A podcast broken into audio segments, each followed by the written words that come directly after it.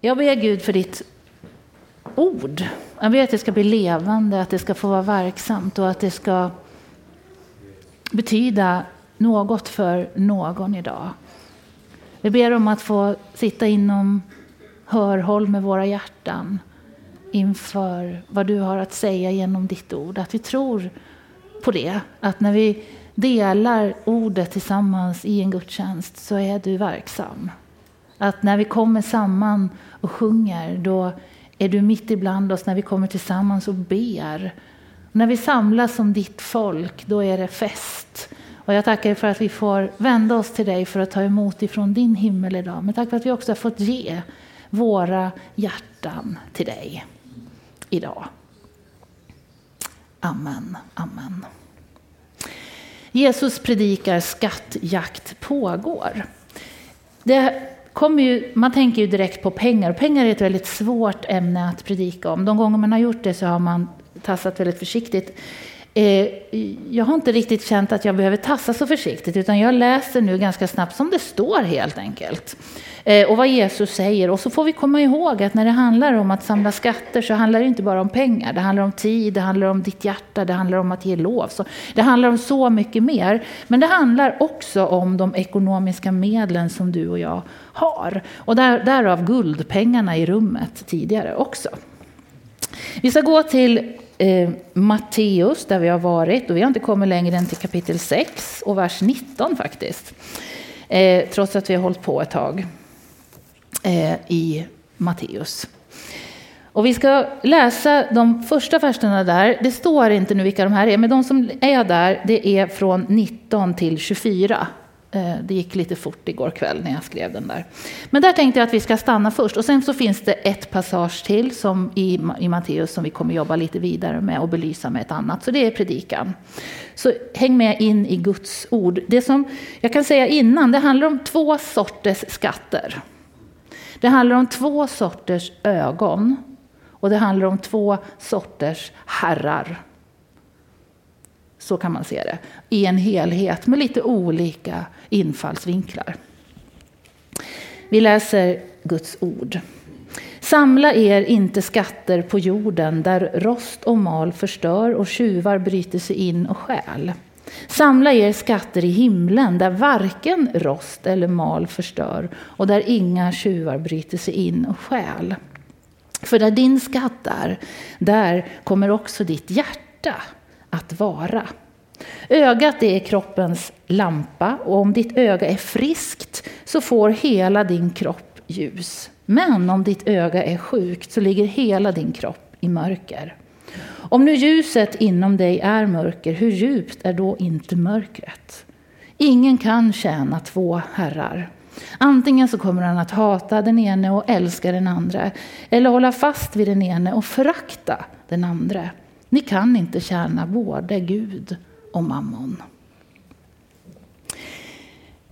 Ja, här målas det upp en bild, en dualism med två olika sidor. Jesus jobbar ofta så, det är enklast. Eh, och så säger han, eh, samla skatter på jorden eller samla skatter på himlen. Vad är viktigast? Alltså vad är fokus? Vad är ditt fokus? Att samla skatter på jorden, eh, det gör vi ju. Vi behöver ju eh, samla på lite för att ha bekvämligheter, möjligtvis, möjligtvis nödvändigheter, alltså saker vi behöver.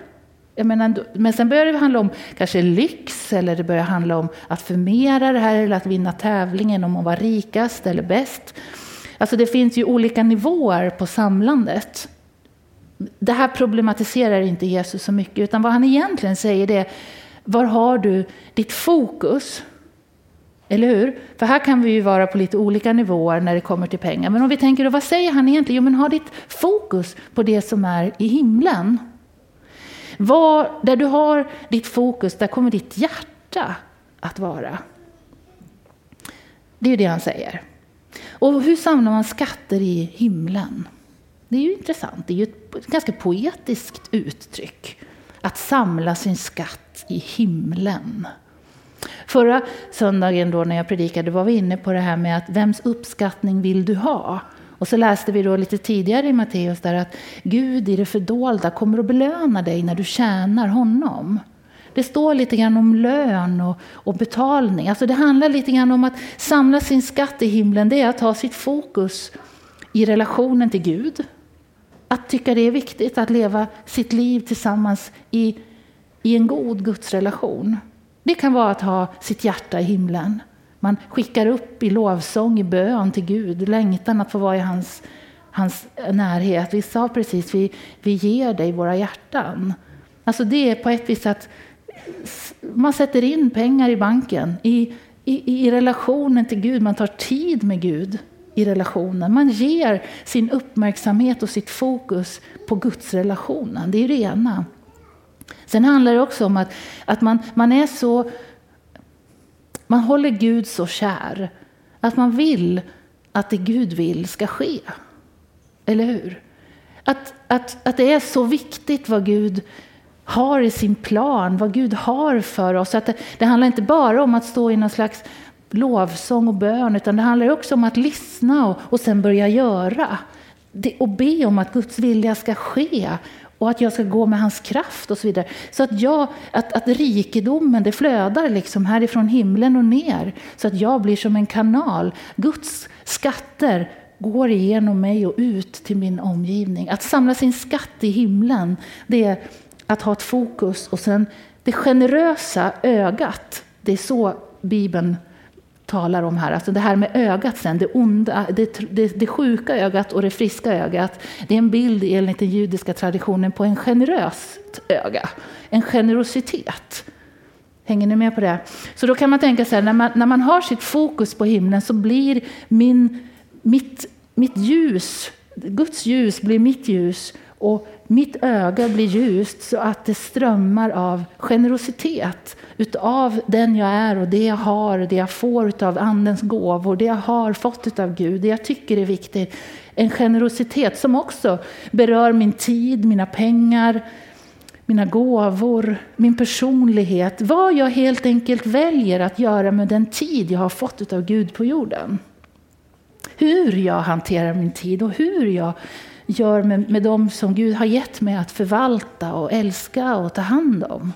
Alltså, det handlar om att leva, ha skatten i himlen, fokus på Gud, men sen också generositet med den, det jag har blivit kallad av Gud att ta hand om och göra.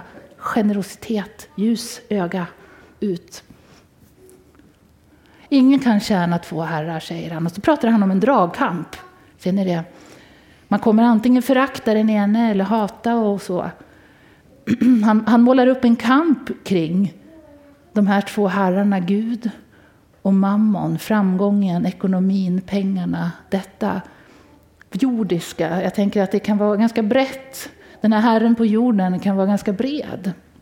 Eh, vad, vi, vad vi lägger i ordet. Oftast handlar det om pengar när vi pratar om mammon. Systemet. Antingen så fastnar vi i det systemet kring det jordiska eller så fastnar vi i ett system av det himmelska. Vi måste hantera båda två som kristna. Precis som det finns frosseri men vi måste äta. Alltså det, vi behöver hantera mat men det finns något som kallas för det. Vi behöver hantera pengar men det finns något som heter snålhet och girighet. Ha-begär.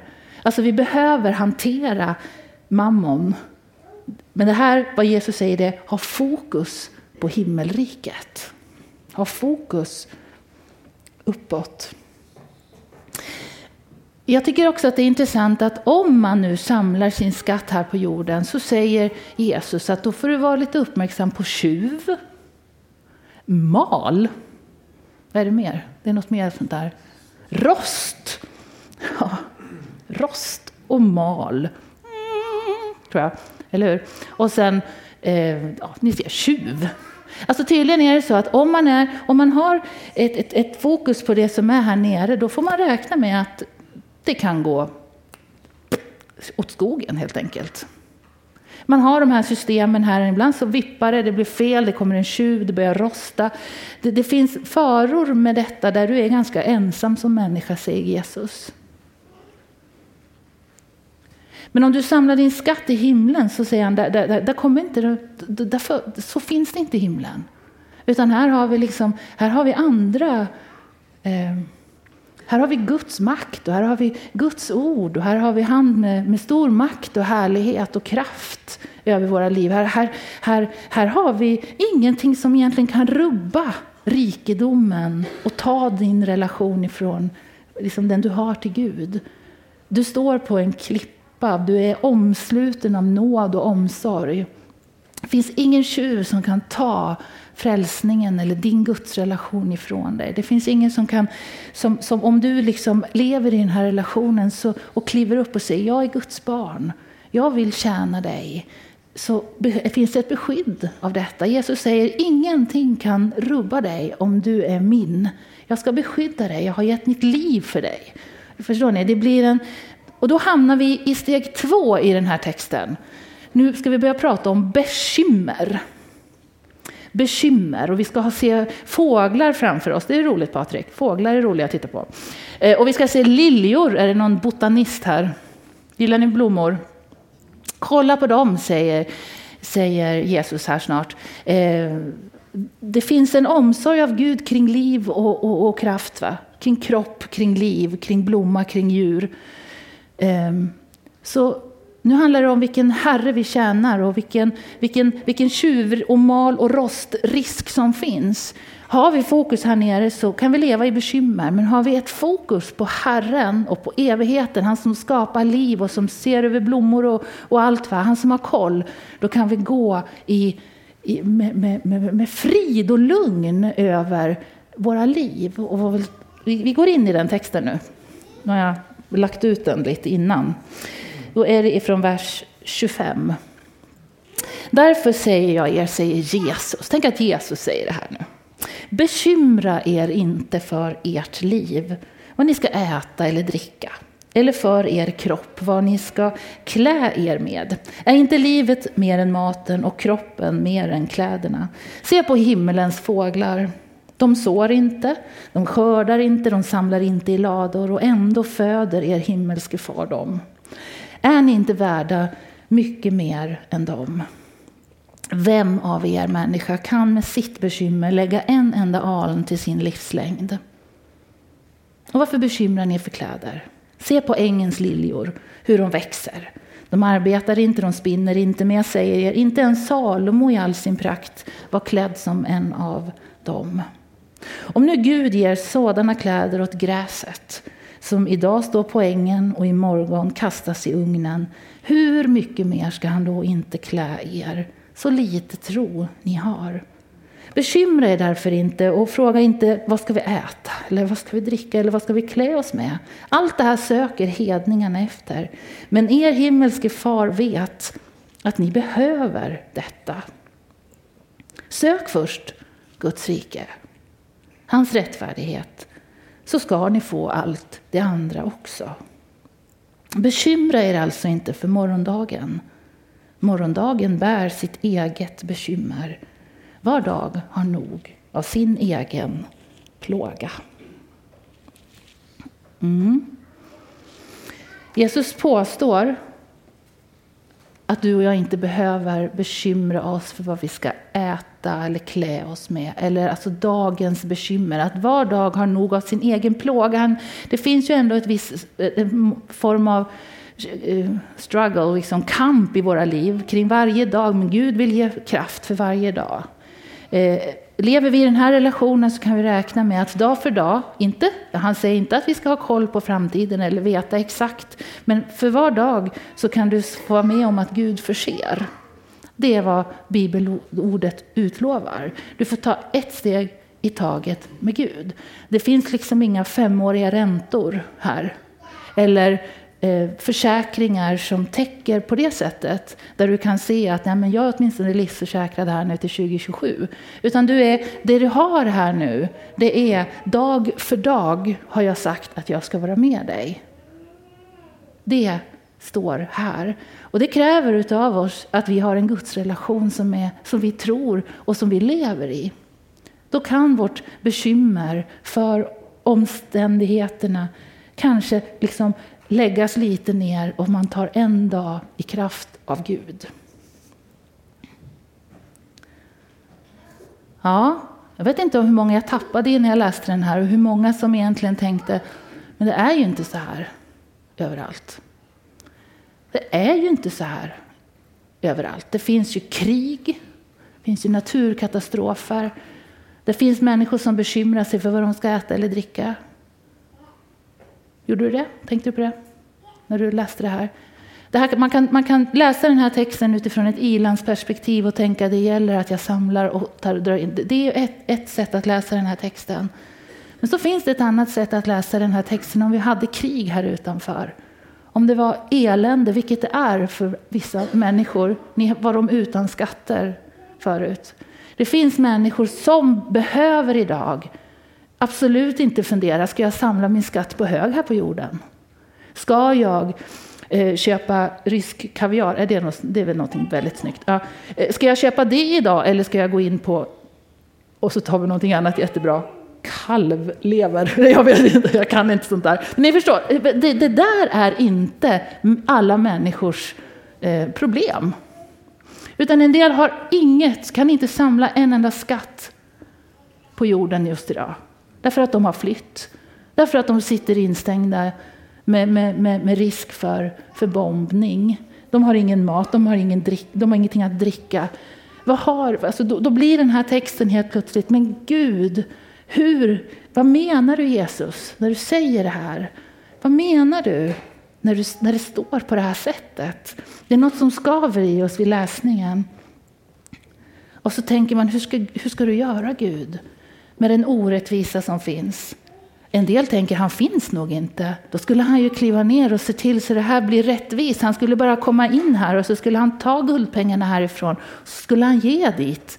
Och sen fick det vara bra. Han skulle stoppa krig. Han skulle kliva ner och så skulle han se till så att det är rättvist. Då tror jag i så fall att han finns. Det här är ju teodicéproblemet som det kallas. Det här är ju väldigt vanligt. Och när man läser en sån här text som kristen så tänker man, hur, då tror ju inte jag att han inte finns, men jag tänker hur ska du göra? Hur ska det bli rättvisare? Hur ska det bli bättre? Hur ska vi göra? Är ni med mig på den, eh, den känslan som kristen? Jesus.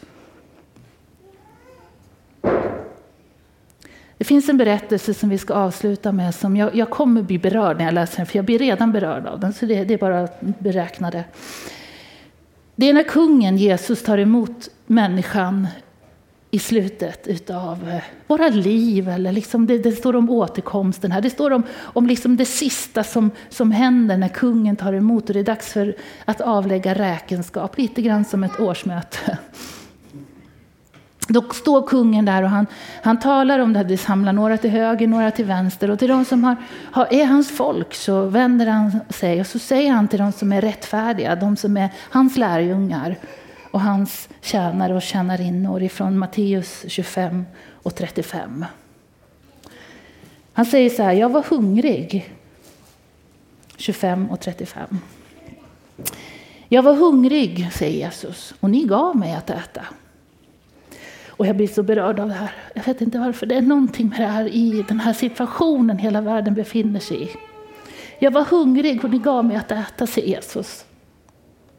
Jag var törstig och ni gav mig att dricka.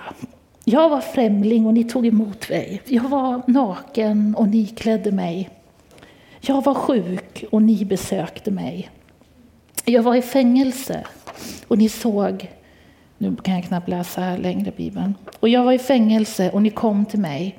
Då ska de rättfärdiga svara honom. Men Herre, när såg vi dig hungrig? När såg vi att du var hungrig Jesus och gav dig att äta eller törstig och gav dig att dricka? Och när såg vi dig som främling och tog emot dig eller naken och klädde dig Jesus? Och när såg vi dig sjuk eller i fängelse och kom till dig och hälsade på? Men då ska kungen säga till sitt folk, jag säger er sanningen. Allt vad ni har gjort för en av dessa minsta, och jag kan inte annat än gråta, det har ni gjort för mig. Oj. Den här texten, att Jesus identifierar sig med dig och mig, med den svage. Att han som kliver ner på jorden och dör på ett kors för mänskligheten. Att han faktiskt räknar med sin församling. Så när du och jag sitter och tittar i bibelordet och undrar vad ska du göra Jesus åt orättvisan, åt det som är fel? Så är det att vända blicken mot sig själv och säga vad kan jag göra Jesus för en av dina minsta? Vad kan jag göra med de skatter jag har, med den tid jag har, med den gåva jag har, med det du har lagt i mitt liv? För att på något vis vara din kropp på jorden, att vara det du hade gjort om du hade gått här. Och att han räknar med sin församling och att Guds församling är väldigt bra på detta. Vi är bäst i, i, i världen.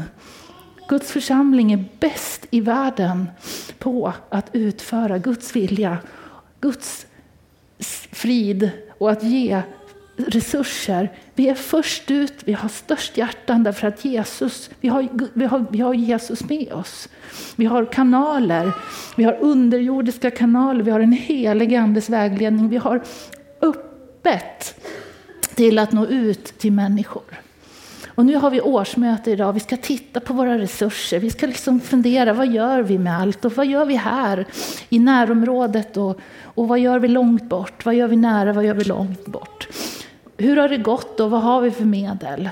Det är ekonomin, men jag tänker också, vad gör vi med, med den tid vi har i stöpen? Vad, vad gör vi med den tid vi har på våra arbetsplatser och så vidare? Det lilla du gör när du ägnar tid åt någon som är ledsen, lite utanför på jobbet, någon som är lite udda, någon som ingen annan kanske pratar med. När du går in på olika sätt i situationer och ser en liten människa och lägger ditt till. Ja, men nu är det över. Jag kan, alltså jag kan inte läsa den, jag visste det innan. Ehm, och det, kanske var, det kanske är så att det fanns något i pedagogiskt i att jag kan inte inte gråta. För jag tror att det är så här Jesu hjärta är för de här minsta. Och jag tänker att, att jag är ett, som predikant ett, ett, ett en, någonting som tar emot och ger hans ord idag. Så jag tänker att det du har gjort lilla människa för Jesus idag, det har du gjort mot mot mig, säger Jesus till dig. Så tack för allt det du gör för Guds rike, säger Jesus. Eller hur? Tack för all tid du lägger ner på allt möjligt. Se till att vara generös, att ha hjärtat i himlen. Och det har vi. Vi har det. Vi försöker hämta in allt ifrån honom. Så fortsätt församling och göra ditt uppdrag. Sänd ditt bröd över vattnet. Eller ge det till grannen. Mm. Det var predikan om den skattjakt som pågår. Det var allvarligt. Vi ber. Jag ber Jesus för din församling. Årsmöte idag. Jag ber Jesus att du ska fylla oss med ditt allvar för uppdraget. Att du ska fylla oss med, med dig själv och med kraft för uppdraget.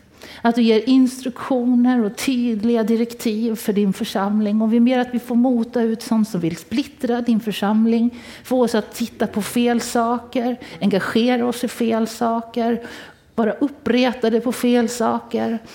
Jag ber Herre att när vi kommer inför dig en gång så så ser du på oss och så säger du ja, ni har besökt mig, ja, ni har hjälpt mig, ni har funnits för varandra. Bra gjort, du trogne tjänare och tjänarinna. Jag vill be Jesus att, att det inte bara det skulle vara vårt mål, utan att tjäna dig är vårt mål. Att leva i relation med dig är vårt mål. Att leva just den här dagen tillsammans med dig. Inte för att tjäna något på det, inte för att synas på något speciellt sätt, utan faktiskt för att bara få vara den du har skapat oss att vara i stor funktion för ditt rike. Jag tackar dig Herre för att när vi söker ditt rike först så vet vi att vi får det andra också. Tack att när vi söker ditt rike för, först så kan vi släppa bekymren om det helt vardagliga på ett vis. Jag tackar dig för det Herre. Tack att du också har bett oss att jobba, att vara nitiska, att ge vår tid, Att vara noggranna med, med räkenskapen, med vad vi gör, med vad vi fyller vårt huvud med och vårt hjärta. Tack att du har bett oss att naturligtvis leva i någon form av renhet och helgelse, försöka söka ditt namn, leva i förlåtelse och frid med människor. Men tack Jesus att du också idag liksom vill kalla din församling igen att, att kliva ett steg närmre det väsentliga idag. Jag tackar dig för det. Tack för den skattjakt som kan pågå uppåt. Att vi, får, vi, får, vi får kämpa för att ta ner din härlighet över våra liv. Jesus, hjälp oss att ha det goda ögat, det, ljusa inre som församling och att handskas med de medel du har gett oss på ditt sätt. Det ber vi om i ditt namn. Och när vi går sen till nattvard här så ber jag att du själv, att ditt, ditt kors ska liksom få bli tydligt för oss. Din kärlek för mänskligheten. Jag vet att du, precis som du grät över Jerusalem en gång och, och tänkte om du bara visste vad som gav dig frid. Du tittar ut över staden och ser en splittrad stad och ber och tänker om du bara visste vad som ger frid. Jag ber idag, du som ser ut över världen och precis som vi undrar om du bara visste vad som skulle kunna ge frid. Jag ber Herre att vi som är här fysiskt närvarande på jorden, att vi skulle kunna få vara din kropp och ställa något till rätta av allt som inte stämmer just nu. Och vi ber som församling att ditt rike ska komma. Att ditt rike ska få breda ut sig. Att det blir fler människor som får ingå i ditt rike där frid råder. Där rättvisa råder, där jämlikhet och jämställdhet ska råda. Tack för ditt rike som är tänkt till att vara ett fridsrike. Tack att vi får be och värna vår församling också, att det får vara en del av himmelriket. Ett fridsrike. Förlåt oss. Tack att du har dött för det som har gått fel. Och att vi idag också får be om förlåtelse för det som är galet. Kliva ett steg närmre dig och ditt kors idag. Tack att du tittar på oss med god blick, med kärleksfull blick. Amen.